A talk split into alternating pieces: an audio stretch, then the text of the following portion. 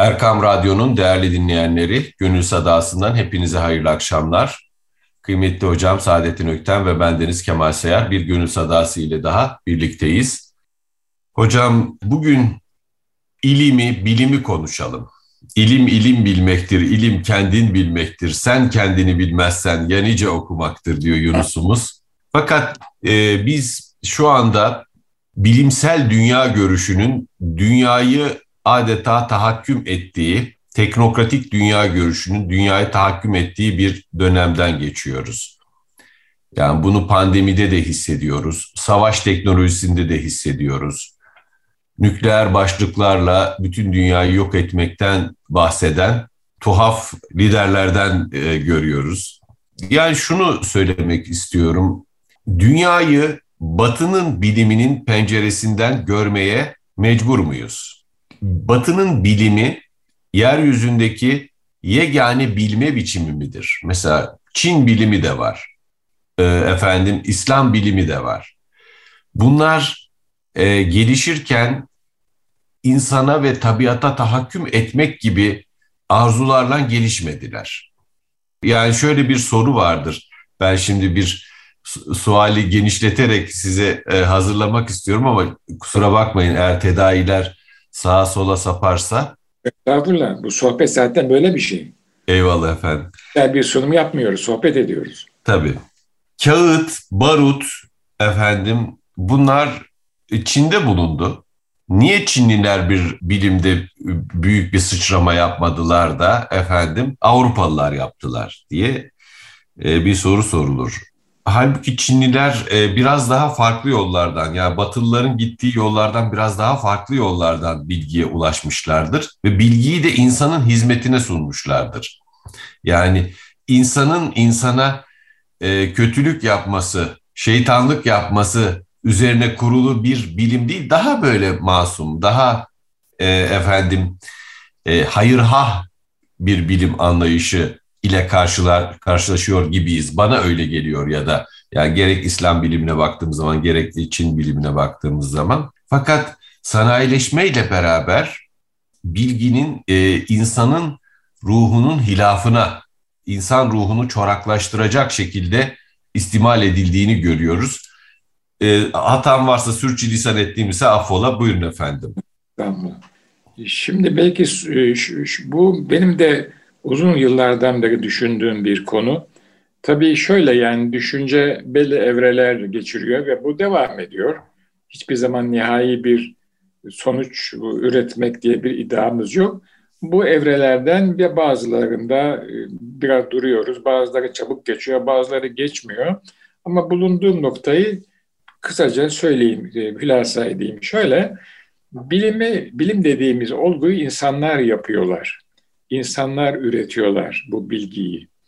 Dolayısıyla biz hiç insanın niteliklerine bakmadan bilgiye bakarsak bir sonuca varamayız. Bunu hangi insan üretti? Aynı bir eşyayı üreten insan gibi. Yani diyelim ki adam işinde expert, e, mütehassıs, uzman. Onun yaptığı eşya farklı oluyor.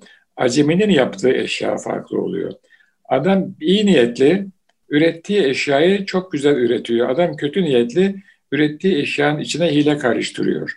Aynı bunun gibi ne tür bir insan bilim üretti buna bakmamız lazım. Şimdi e, Batı medeniyetiyle işte epeydir uğraşıyoruz. Niye bunu uğraşıyoruz? Çünkü e, bizi etkiliyor. Yani bizi öteki olarak görüyor ve bu etki halen devam ediyor. Dolayısıyla Batı insanını tanımaya çalışınca benim böyle çok net, çok basit e, verdiğim sonuçlar e, söz konusudur. Bu sonuçlar uzun düşüncelerin, okumaların, tartışmaların neticesinde varılan sonuçlardır. Ama insanlara çok kolay gelir. Evet kolaydır. E, ama bu böyledir. Yani e, tartışmaya da açıktır tabii.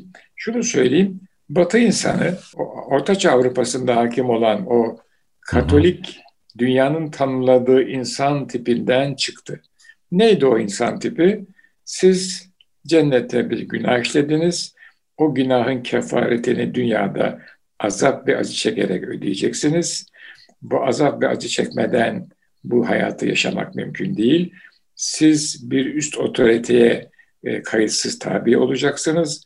Onun emirleri ve nehirleri doğrultusunda azap ve acı çekerek yaşayacaksınız. Çünkü baştan günahkarsınız. Ve siz ondan sonra e, öldükten sonra Tanrı'nın krallığına kabul edeceksiniz. O da cennet. Böyle bir resim. Hayat zaten acı ve azap çekmek için bir süreç. Hayat önemli ama niye? Siz baştan ilk günahla geldiniz. Original sin dedikleri. Evet. İlk günahla geldiniz. Hayat sizin sizin bundan kurtulmanız için bir vesile. Ee, İsa sizin yerinizde bu acıyı ve azabı çekti ve o e, Tanrı katına çıktı. Belki Tanrı oldu. O itikat meseleleri karışık biraz. Ama hayat böyle bir şey. Bu insanlar dediler ki bir süre sonra, onun da sebepleri var. Çok da haksız değiller. Hayır dediler. E, biz e, bu dünyaya azap ve acı çekmek için gelmedik. Biz insanız. Biz bir otoritenin emri altında yaşamak mecburiyetinde değiliz. Bizim bir takım yeteneklerimiz var. Bunlardan bir tanesi karar vermek ve kendi kendine yetmek. Bu kendi kendine yetmek tabiri çok mühim bir tabir. Şundan dolayı yani batılı insanı bir eylem yapar, kararını ve eylem yapar. Eylemin sonuçları artı veya eksi olursa onu da kabullenir. Yani yalnızdır, tek başınadır ve e, kendi kendine eylem yapma, kendi özgüveniyle bu yeteneği vardır. Kendi kendine yeten insan. Ve dediler ve dedi ki ölüm bir realite. Biz öldükten sonra Tanrı'nın cennetini istemiyoruz. Aydınlanma filozofları dediler ki biz bu dünyada akılla Tanrı'nın cennetine ihtiyaç kalmadan bir cennet üretebiliriz. Ve dünya ve hayat, dünya bir e, arz, bir imkan, e, fırsat ve imkanlar alemi. Hayatta bu fırsat ve imkanları kullanmak için ortaya çıkan bir zaman süreci. Şimdi böyle baktığınız zaman hayata ilk başlangıçta biraz da tabii tarihten e, bilgi alıyoruz. Coğrafi keşifler başlıyor. Şu içinde yaşadığımız dünyanın şeyini bir tanıyalım. İmkanlarını ve fırsatlarını bir görelim. Coğrafi keşifler başlıyor. Coğrafi keşifleri hemen sömürgecilik takip ediyor. Ben şu soruyu kendime yıllar önce sormuştum. Bir Müslüman acaba Amerika'ya gitseydi, Orta Amerika'ya. Çünkü Ferdinand Cortez gitti. 500 İspanyol'a gitti. Elinde ateşli silahlar vardı. Oradaki insanları öldürdü ve büyük hazineyi aldı Avrupa'ya getirdi. Avrupa'nın ekonomik dengesi değişti. Uzadı ama çok hemen top toplayacağım. Yok estağfurullah. Hayata imkan ve fırsatlar verilen bir süre olarak bakan, dünyayı da imkanlar ve fırsatlar olarak gören bir zihniyet hayata baktı. Önce sömürgecilik. Çünkü o kolaydı doğal kaynaklar elinin altındaydı. Sonra dedi ki acaba bu dünyayı yöneten bir takım kurallar var. Ben bu kurallara girsem, bunları öğrensem bu dünyaya hakim olabilir miyim? Sömürgecilikten gelen para da ellerin altındaydı. Böylece aydınlanma çağının devamında sanayi devrimi ortaya, bilimsel devrim ve sanayi devrimi ortaya çıktı. Siz hayata bana verilen bir imkanlar ve fırsatlar süreci olarak baktığınızda yapacağınız şey odur. Çünkü ben diyorsunuz, ben kendi kendime yeterim, kendi kendimi yönetebilirim. Ee, ölüm var, ölümü reddetmezler, mümkün diye reddi. Ölümden sonrası için bir şey söylemiyorlar ve diyorlar ki biz bu dünyada bir cennet kurabiliriz. Evet kurabilirsiniz. Hayat bir süreç, imkanlar ve fırsatlar süreci. Yeryüzü de bunların bulunduğu alan. O halde bu yeryüzünün önce coğrafi keşiflerle doğal kaynaklarına bir imkan ve fırsatları elde edelim. Sonra bu yeryüzünde e, geçerli olan kuralları bilelim, o kuralları öğrenelim, tabiat kanunları ve onları kullanalım. Bu da teknoloji.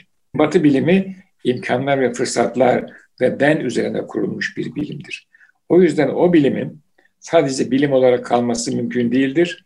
Çin'de o bilim olarak kaldı. İslam dünyasında da bilim olarak kaldı. İslam dünyasına da geleceğim biraz sonra. Ama imkan ve fırsat varsa ondan adam istifade etmek ister. Bulduğu kanunu tatbik eder, e, pratiğe, teknoloji olur. Oradan bir şey üretir. O ürettiği şey ona dünyevi olarak başka imkanlar ve fırsatlar ortaya koyar. İşte geldiğimiz biraz evvel bahsettiğimiz atom teknolojisi odur. Adam sonsuz, tırnak içinde sonsuz yok ya yani diğerine kıyasen çok müthiş bir enerji üretiyor ve o enerji üret, ürettiği enerjiyle diğer insanları hakimiyeti altına alıyor. tehdit ediyor. Sen de yok, bende var, senin diyor yok ederim diyor. Dolayısıyla böyle bir dünyaya doğru gitti hadise. İslam dünyasında böyle bakmadılar hadiseye. Bilgi Allah'ın bilgisidir dediler ve bize verdiği kadarıyla bizi bilebiliriz dediler ve bir, onun da bize verdiği bilginin hikmeti kendi varlığını, kendi zatını, kendi sıfatlarını bize olabildiğince anlatmak. Yani bizi bilgi bizi Allah'a eriştiren bir vesile ve vasıtadır dediler.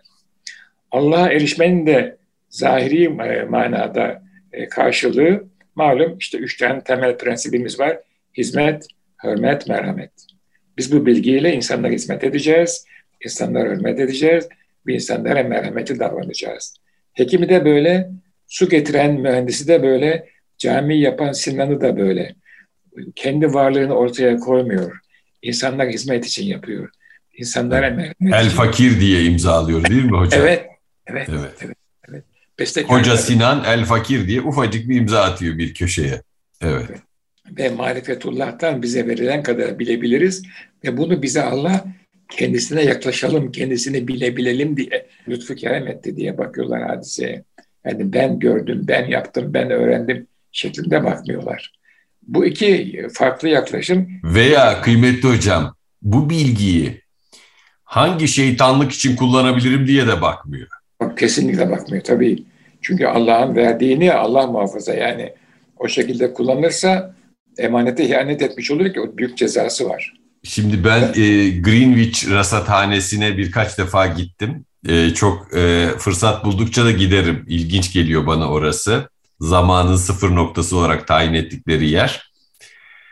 E, şimdi, matematik ilminde o kadar ileri gidiyorlar ki e, zamansal hesaplamaları çok iyi yapıyorlar İngilizler. Fakat hemen arkasından bir tilkilik geliyor akıl, akıllarına. Diyorlar ki biz bununla gemileri e, sey, seyir seferini zapturapt altına alalım. Bütün dünya gemilerinin ne zaman, e, nerede, nasıl e, seyahat edeceğiyle ilgili bir nizamname geliştirelim ve e, herkesi buna tabi kılalım.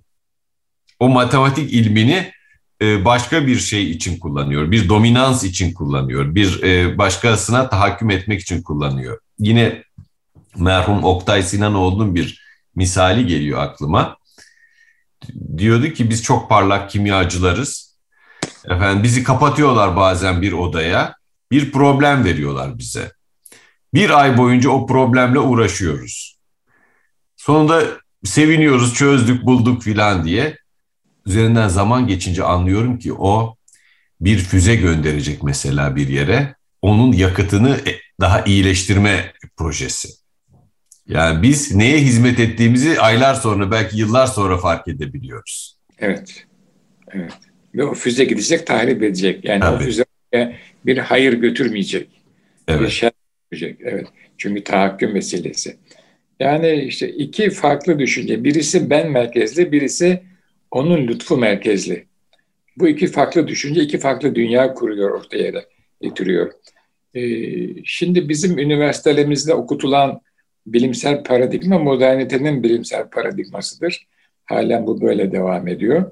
Ve maalesef e, bu paradigmanın içine girmesi hiç beklenmeyen, isim vermeyeceğim, bir takım bilim dalları da bu paradigmaya tabi oldular. Ve oralardan e, yani o e, bilim dallarıyla hiç uyuşmayan, yani onların bünyesine hiç uymayan sorular çıkıyor. E, yani bir sosyal bilimci, bir fizikçi gibi, bir din bilimcisi bir fizikçi gibi soru soramaz.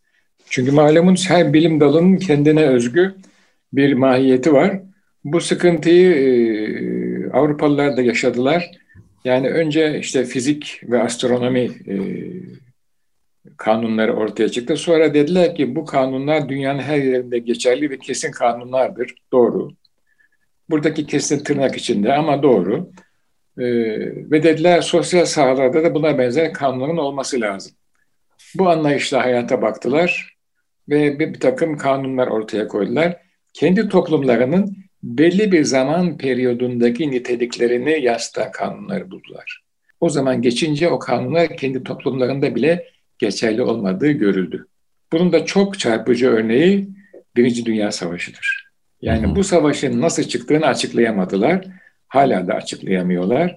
Çünkü kendi toplumlarının da kendi toplumlarındaki yapıyı da belli bir zaman için e, kodifiye etmişlerdi.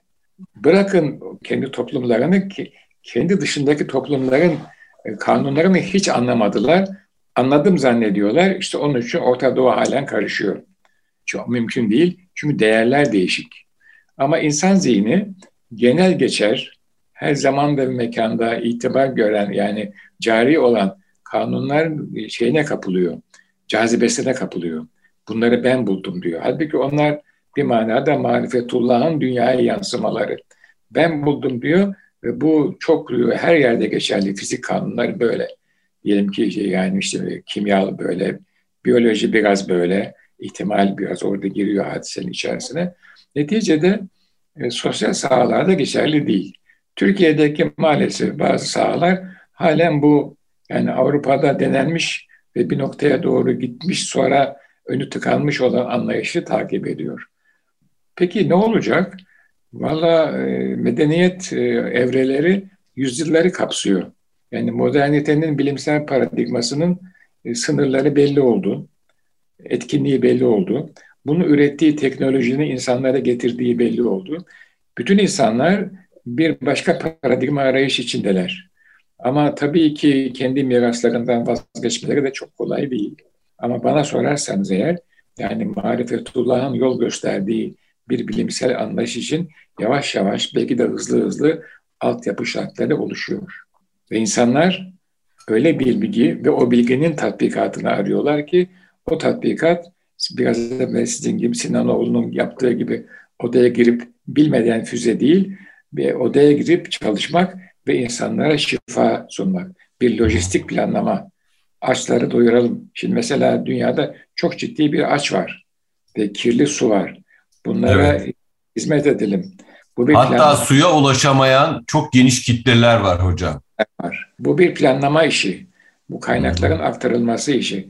Bir takım insanlar bunları planlayıp doğru aktarırlarsa, doğru eylemler yapılırsa bu çok büyük bir hizmet olur. Yani modernitenin yıktığını tekrar tamir etmiş oluruz. Evet. İki farklı bilimsel anlayış. Biri ben merkezli, birisi marifetullah merkezli. Ve e, tabii ki modernite, tabii her sistem kendisini korumak ister. Modernite de kendisini koruyor. Kendisinin dışındaki bilimsel paradigmaları aşağılar. Halbuki baktığınız zaman metod olarak arada çok şimdi seküler konuşuyorum. Arada hiçbir fark yok. Sizin de ön kabulleriniz var. O ön kabulleri tartışmıyorsunuz. O ön kabullerin üzerine siz bir lojik bina ediyorsunuz. O, o lojik bina ederken de özellikle sosyal bilimlerde belli bir toplumsal yapıyı ve belli bir zaman dönemini dikkate alıyorsunuz. E, o dönem geçti, o toplumsal yapı değişiyor. Onu kale almadığınız için veya başka toplumlarda sizin kurduğunuz paradigma geçerli değil. Bunu Hı-hı. görmediğiniz için sıkıntı çıkıyor ortaya. E, dolayısıyla pekala. Peki bazıları da diyorlar ki hocam yani e, neden sürekli bir nostalji halinde yaşıyoruz? E, biz bu treni kaçırdık. Bunu kabullenelim. Yok kaçırmadık. Diye bir, e, bir sert bir eleştiri var. Bu konuda ne dersiniz? E biz biz öğrendik yani. Şimdi mesela siz de öğrendiniz, ben de öğrendim yani. Ben doktoramı hani tezi Amerika'da hazırladım. Hı hı. O, o, o yılların çok popüler bir konusuydu. Siz de yurt dışında çok çalıştınız, öğrendiniz vesaire ettiniz.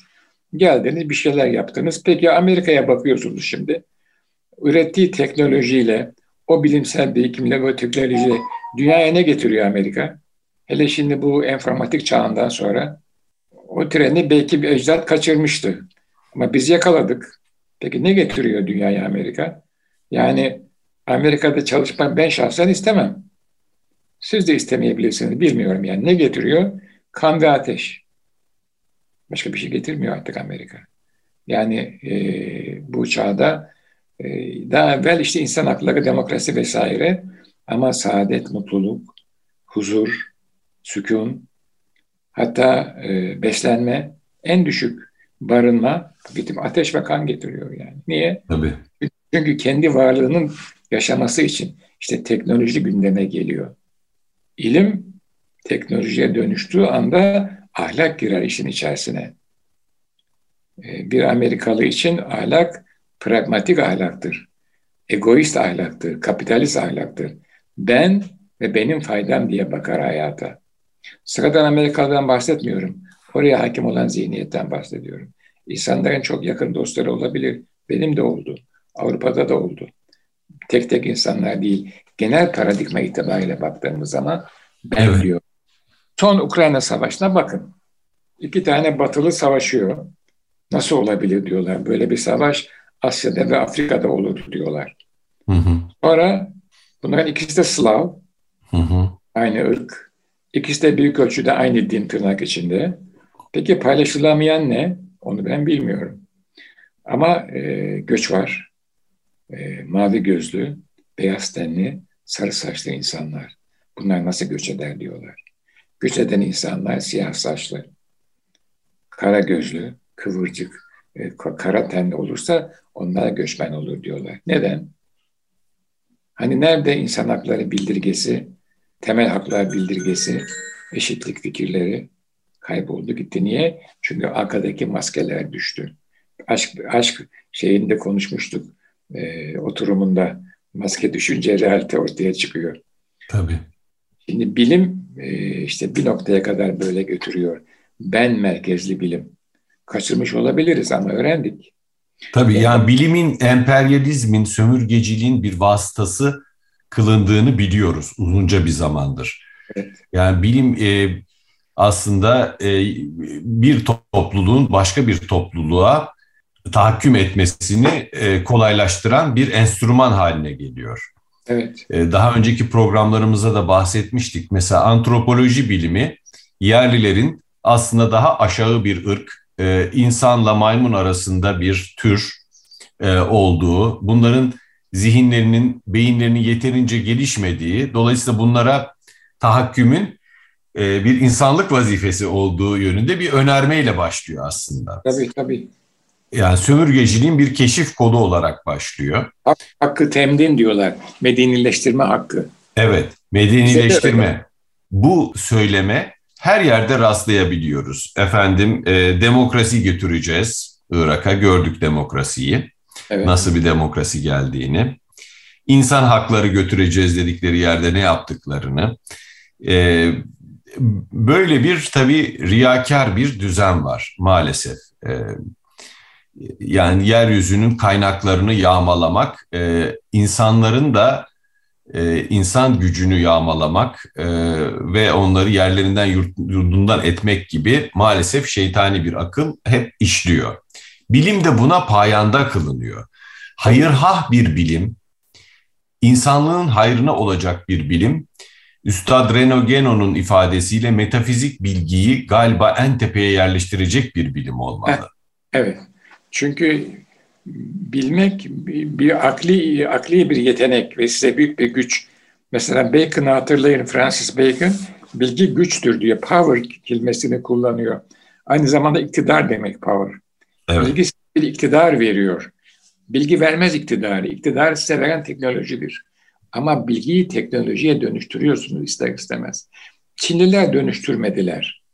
Müslümanlar dönüştürmediler. Orada durdular. Niye? Çünkü onlara o hayat yetiyordu. Eğer bilginin bir üst e, otoriteden, esas kaynağından geldiğini kabul etmezseniz o bilgi sizin elinizde bir tahakküm kılıcı olur. Ve teknoloji de bir süre sonra size hakim olmaya başlar. Çünkü nefsinize hitap ediyor. İnsan varlığı nefsinin emrine girdiği zaman artık insan olmuyor. Tabii başka bir varlığa dönüşüyor. Çünkü, Vahşi, yırtıcı bir hayvana dönüşüyor adeta. Çünkü insan insan dediğimiz hadise nefsinin eline esir olmamakla insan olunuyor. Ama o güç size öyle bir lezzet veriyor ki nefsinin size hakim olmuş oluyor. Artık ondan sonra ne yaparsanız size mubah görünüyor. Roma'yı yakabilirsiniz. Hiçbir problem yoktur. Ee, yüzlerce insan da orada yok olabilir problem olmaz. Ama bilginin size esas sahibinden, esas kaynağından geldiğini bilirseniz ve o kaynağı o bilgiyi vermekle beraber size nasıl bir misyon yüklediğine de inanırsanız o bilgiyi başka türlü kullanıyorsunuz. İşte İslam dünyasının bilgi anlayışı öyleydi. Peki şimdi diyelim ki Batı dünyası e, modernite, bilimsel devrimleri yaptı, teknolojik devrimi yaptı ve hayata hakim oldu. Ama artık bu hakimiyet 100 sene önceki kadar mutlak değil. Yer yer deliniyor. E, dün yine haberlerde dinliyordum. Hı hı. Yaptığımız hava araçları diyor, sihalar diyor, diğerlerinden farklı değil. Ama özelliği şu, yazılımı farklı diyor. Hı hı. Yani bilinci farklı. Peki o yazılımı nasıl yazdınız siz? Yani hani biz geri kalmıştık. Ben Amerika'ya gittiğim zaman 70'lerin başında bizim laboratuvarda iki tane Hintli vardı. Doktoralarını yapmış 40 yaş. Ben 20'lerin sonundaydım. Onlar 40'lı yaşlardaydılar. Bütün evet. yazılımlar yazıyorlardı. Niye? Çünkü software'de henüz Amerika o kadar iyi değildi. Hı hı. İngilizler Hintlileri eğitmişler Hindistan'da. iyi software'ciler. Onlar Amerika'ya doktoraya gelmişler. Çelik konstrüksiyon laboratuvarında. Dok doktoralarını yapmış çünkü orada laboratuvar imkanları çok iyi. Ama yazılımı onlara hazırlıyorlardı. Şimdi demek ki yazılım meselesi. Nasıl oluyor bu iş? Bana, bana sorarsan ilhami ilahi. Yazılımı öyle yap, böyle yap. Ve yazılımlar o, o hava araçlarının faaliyetini sağlıyor. Yapan zat söylüyor bunu. Farkı yazılımdır diyor yani. Demek ki marifetullah'tan bir mesaj düştü. Ben bunu böyle yorumluyorum. Siz başka türlü yorumlayabilirsiniz. Neticede hadise budur. Dolayısıyla hiçbir şekilde karamsar olmamak lazım. Biz bilgimizi tabii ki kendimizi müdafaya caydırıcı güç olmak mecburiyetindeyiz. Bu bir. Ama ikincisi hizmete dönük olarak kullanacağız. İslam bilgisi hizmete dönüldü. Kime? Önce yakınlarımız zaten hepsi belirt, belirtilmiş. Önce akraba ve taallukata. Sonra dalga dalga gidiyor. Ta yolda kalmışlara kadar. Kim o yolda kalmışlar? İşte göçmenler. Yolda kalanlar göçmenler. Evet. Yolda kalanlar evet. göçmenler. Göçmenle kadar adım adım ve Türkiye bunu yapıyor şimdi. O yüzden biz Türkiye'nin içinde bunu fark etmiyoruz. Dünyada Türkiye'nin yankıları çok daha fazla. Ben de bilmiyorum da hissediyorum, seziyorum, düşünüyorum. Yani görüyorsunuz. Onlar da insan çünkü. Her ne kadar kalbi çok sert olan da görüyor bunu ve korkuyor. Bu hadisenin bir başka noktaya doğru evrileceğinden korkuyor. Rızkı veren herkesin rızkını veriyor. Birilerinin birileri üzerinden rızkını veriyor. Yani o gelecek diye benim rızkım azalmaz. Rızkı veren o rızkı tekeffül etmiştir. Beni ves vesile kılıyor şu anda. Aynı ensar muhacirin meselesi gibi. Hadiseye böyle baktığınız zaman bir başka dünya ortaya çıkıyor. Hadise öbür türlü yaptığınız zaman, baktığınız zaman dehşet ve korku dünya bir dünya ortaya çıkıyor. Endişe dolu bir dünya ortaya çıkıyor. Böyle baktığınız zaman diyorsunuz ki aman ya Rabbi tevekkül var, teemmül var, tabii ki saygı gayret var ama asla ve asla ümitsizlik yok. İşte benim evet. bilim ve bilimin teknolojik yansımaları böyle. Batı e, bilimi ve teknolojisi bundan 100-120 sene önceki kadar artık mutlak hakim değil. Başkaları da ortak oluyorlar ve kendi kusurlarını daha çok görüyoruz. Yine enformatik sayesinde. Evet. Şimdi yıllar önce e, Paul Feyerabend'in e, Akla Veda adlı kitabı e, Türkçe'ye çevrilmişti ve o da bir ön söz yazmıştı. Çeşitli kitaplarımda da zikrettim bu ön söz beni çok etkilemişti. Diyor ki Batı biliminin bugün önde olmasının en önemli sebeplerinden bir tanesi silahın ve finans merkezinin batıda olmasıdır. Eğer silah e, geçmişte ve finans e, Çin'in elinde olsaydı veya Orta Doğu'da olsaydı e, buranın bilimi daha makbul kabul edilecekti. Evet. E, yani bir e, metodun, bilimsel metodun, bilginin genişlemesinin evrensel bir kuralı yok. Her toplum kendi bilgisini, bilimini farklı mülahazalarla, farklı bakışlarla üretiyor. Evet. Önemli olan insanlığa hayırhah bir bilim geliştirebilmek, insanlığın faydasına olacak bir bilim geliştirmek. Yoksa insan mesela psikoloji bilimi, hayırhah bir bilim gibi gözüküyor değil mi hocam? Ama evet. reklamcılar insanların zaaflarını psikoloji bilimi üzerine istismar edebiliyorlar. Psikoloji evet. bilimi e, insanın her zaman iyiliğine olması gerekir gibi geliyor bize. Fakat CIA mesela yakın zamanda bir psikoloji şirketini istihdam etti ve onlar e, bu skandal halinde ortaya çıktı geçtiğimiz yıllarda. E, işkence tekniklerini daha rafine etmek, geliştirmek üzere raporlar hazırladılar. E, yani bu utanç verici bir şey. Yani bir bilimin insan zaafını istismar etmek üzere e, suistimal edilmesi utanç verici bir şey. Fakat akıl şeytani olunca, hayırhah olmayınca eldeki veriyi, bilgiyi insanlığın aleyhine de kullanabiliyor. Çok çok rahat, çok rahat. Yani insanı bir takım deney e, araçları olarak kullanıyorlar. Üstün ırkı yaratmak için kullanıyorlar vesaire vesaire. Bunlar tabii hepsi yani insana da gelen bu büyük bilme yeteneğinin insanın Hı-hı. bizzat ve bizatihi kendinden e, geldiğini kabul etmesi üzerine ortaya çıkıyor. Eğer bu yeteneğin sizin daha çok üzerinizde e, bir yüce varlık tarafından size verildiğini kabul ediyorsanız bir büyük kompozisyon içinde sadece size bilgi vermiyor. Size vazifenizi de e, tanımlıyor. Bilgi verdiği anda, bilgi sahibi olduğunuz anda çok güçlü hissediyorsunuz. Çok e, imtiyazlarla donatılmışsınız ama aynı zamanda onun bir de mesuliyeti var. Bu mesuliyetle beraber bilgiyi elde ettiğiniz zaman o bilginin tahakküme dönüşmesi mümkün değil adeta. Veya dönüştüğü zaman onun bir şer olduğunu insan biliyor. Ama batılı insan bilgiyi kendinden e, ürettiği, kendinden kaynaklı olduğuna inandığı için artık onun için bir şer ve hayır meselesi değil. O sadece kendi nefsinin ona doğrulttu gösterdiği istikamette ve güncel olarak burası çok önemli. Bugün yaptığı şeyin yarın kendisine geri döneceğini hiç düşünmez. Bunun hala beni çok etkilemiştir o. E, bu sohbetleri dinleyenler, inşallah kitapları okuyanlar da düşünsünler.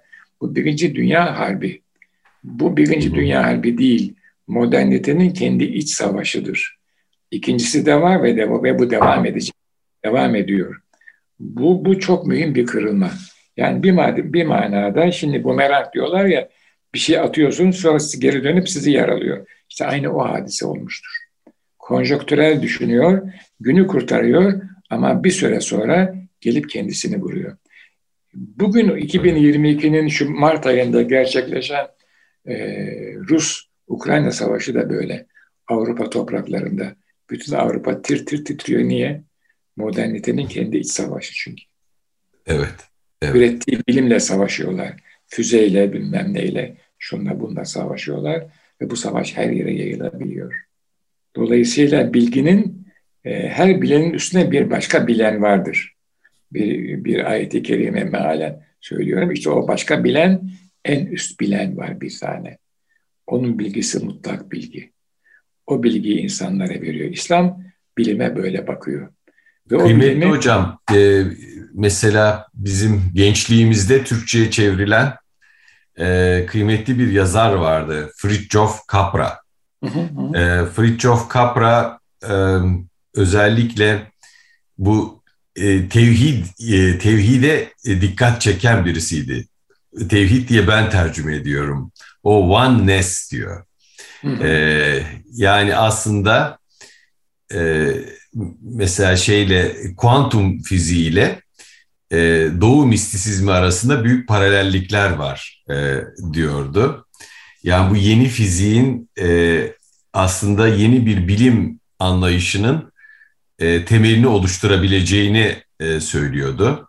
Her şey bir, her gözlemci de bir, gözlenen de bir. Yani gözlemci e, bir ortamı gözlediği zaman o da oraya dahil oluyor. E, yani gözlemcinin gözünden bağımsız bir kainat yok. E, hepimiz aynı halkanın içindeyiz. E, yani manevi deneyimin en temel unsuru da zaten bu birlik e, duygusudur. Gerçekliği e, bilirken yani ben ve öteki arasındaki ayrımı ortadan kaldıran ben ve o, biriz e, diyen e, bir bakış ve kainata baktığımız zaman bir keyfilik, bir düzensizlik değil, her şeyin içinde bir düzen görebilen bir bakış. Yaratan en düzensiz halleri bile bir, bir, bir düzene sokmuş. Şimdi siz e, bilecek yani bunları çok daha iyi biliyorsunuz benden. Turbulans mesela. Kaos dinamiğiyle çok güzel anlaşılıyor turbulans. Böyle fırtına, kaos dinamiği içinde çok güzel anlaşılabiliyor.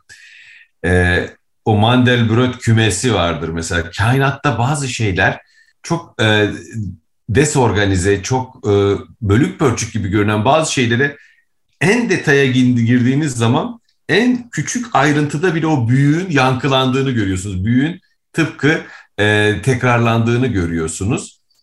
Bu da e, işte hayatın o büyük senfonisinde, o büyük düzeninde e, bir kaosun, bir keyfiliğin içine atılmadığımızı aslında e, her şeyin bir e, düzen içinde olduğunu, vücudumuzdaki her bir molekülün daha önce yaşamış ya da yaşamamış başka bir organizmadan aslında bize intikal ettiğini ve bizden sonra da başka e, organizmalara intikal edeceğini e, ve aslında koca bir dünyada birbirimizle ortak bir hayat yaşadığımız, bütün varlıklarla ortak bir hayat yaşadığımızı e, bize hissettiren bir şey. Yani bilime bilime böyle bakmak, bilime e, her şey yani kardeşliği, dostluğu, yarenliği, efendim e, hayırhahlığı çoğaltacak bir enstrüman olarak bakmak bu yeryüzündeki ıstıraplarımızda bir ölçüde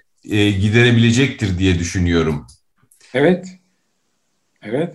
E, malum işte biz sizi şubeler ve kabileler halka, şeklinde halk ettik. Neden? Birbirinizle tanışıp bilişesiniz diye buyuruluyor kitabın mübinde. Yani hayatın gayesi de ifade ediliyor. Farklılıklar var ama o farklılıklar tanışıp bilişmek için. Çünkü her yerde ayrı bir, her yaratılışta, her şubede, her kabilede farklı bir tecelliyat görüyoruz. Bir defa fizyolojiler farklı, lisanlar farklı, mizaçlar farklı, hassasiyetler farklı, tercihler farklı. Bunların hepsi hilkatin çok büyük tecellileri. Yani onun yaratma, ibda, bedii e, isminin çok farklı tecellileri. İnsanlar bunları görsünler, bilsinler, anlasınlar diye, savaşasınız diye değil, muharebe edesiniz de değil, tanışıp bilişesiniz diyor. Şöyle, peki e, aşağısı da var. E, diyor ki e, Allah indinde en hayırlınız kimdir? Onu ancak ben bilirim diyor. Onun da ölçüsü takva. Yani Allah'a olan yaklaşım, yaklaşım. Ondan hem korkmak hem çekinmek hem ona aşırı muhabbetle yaklaşmak. Öyle bir hal o bir ruhun hali. Onu da insanlar zahirde bilemezler. O hususu kendisine ayırıyor. İşte bilime böyle baktığınız zaman sizin zaten onun verdiği bilgiyi kötüye kullanmanız, kötü de kötüyü de tarif edip etmiş zaten. Yani emirlerine riayet edeceksiniz, nehirlerinden kaçınacaksınız. Bu mümkün değil. Bu bütünlük içine baktığınız zaman. Böyle bir bilim üretmişler mi? insanlar üretmişler. Hala da üretebilirler mi? Tabii ki üretebilirler. Bizim Batı karşısındaki sıkıntımız teknoloji sıkıntısıdır. Batı sahip olduğu teknolojiyi bizim gibi değil bir başka amaçla kullandı. Sıkıntı oradan kaynaklanıyor esas itibariyle. Sadece maddesel bir güç değil, o maddesel gücün kullanımındaki ahlaki prensipler noktasında sıkıntı çıkıyor. Peki biz bunu aşabilir miyiz? Bir yüzyıl evvel, belki 150 yıl evvel bu biraz karanlık bir soruydu ama bugün öyle değil. Biz bu teknolojiyi gayet rahat aşıyoruz, aşmaktayız ve aynı yoldan gitmiyoruz. Batılılar buna shortcut diyorlar, kestirmeden gidiyoruz. Önüne çıkıyoruz bu teknolojinin ve biz teknolojiyi inşallah kendi ahlakımız istikametinde kullanacağız. Zaten batılı insanı da ürküten odur. Yani modern zihniyet ürküten odur. Bu teknolojiyi hizmet amacıyla farklı bir maksatla kullanan insanlar da var. Bunu insanlar hissetmek istemezler. Teknoloji olduğu zaman mütehakim batılı beyaz adam ortaya çıkar. Halbuki aynı teknolojiyi kullanan mütehakim olmayan hizmetkar beyaz adam da olabilir. Bu alternatifi inşallah Müslümanlar, İslamca medeniyetinin mentisipleri dünyaya gösterecekler. Zaten göstermeye de başladılar. Benim bu konuda söyleyeceklerim bundan ibarettir. Bilgiye sahip oluyoruz, oradan teknoloji üretiyoruz ve teknolojiyi kendi ahlakımız istikametinde kullanıyoruz. Eskilerin bir sözü vardı her lafı bitirirlerken, Allah ve alemu bir savap yani doğrusunu Allah bilir derlerdi. Bizim bildiğimiz bu kadar. Doğrusunu Allah biliyor efendim.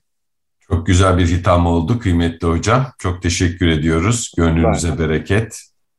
Erkam Radyo'nun değerli dinleyenleri bir günün sadasının daha sonuna geldik. Hepinize hayırlı akşamlar diliyoruz efendim.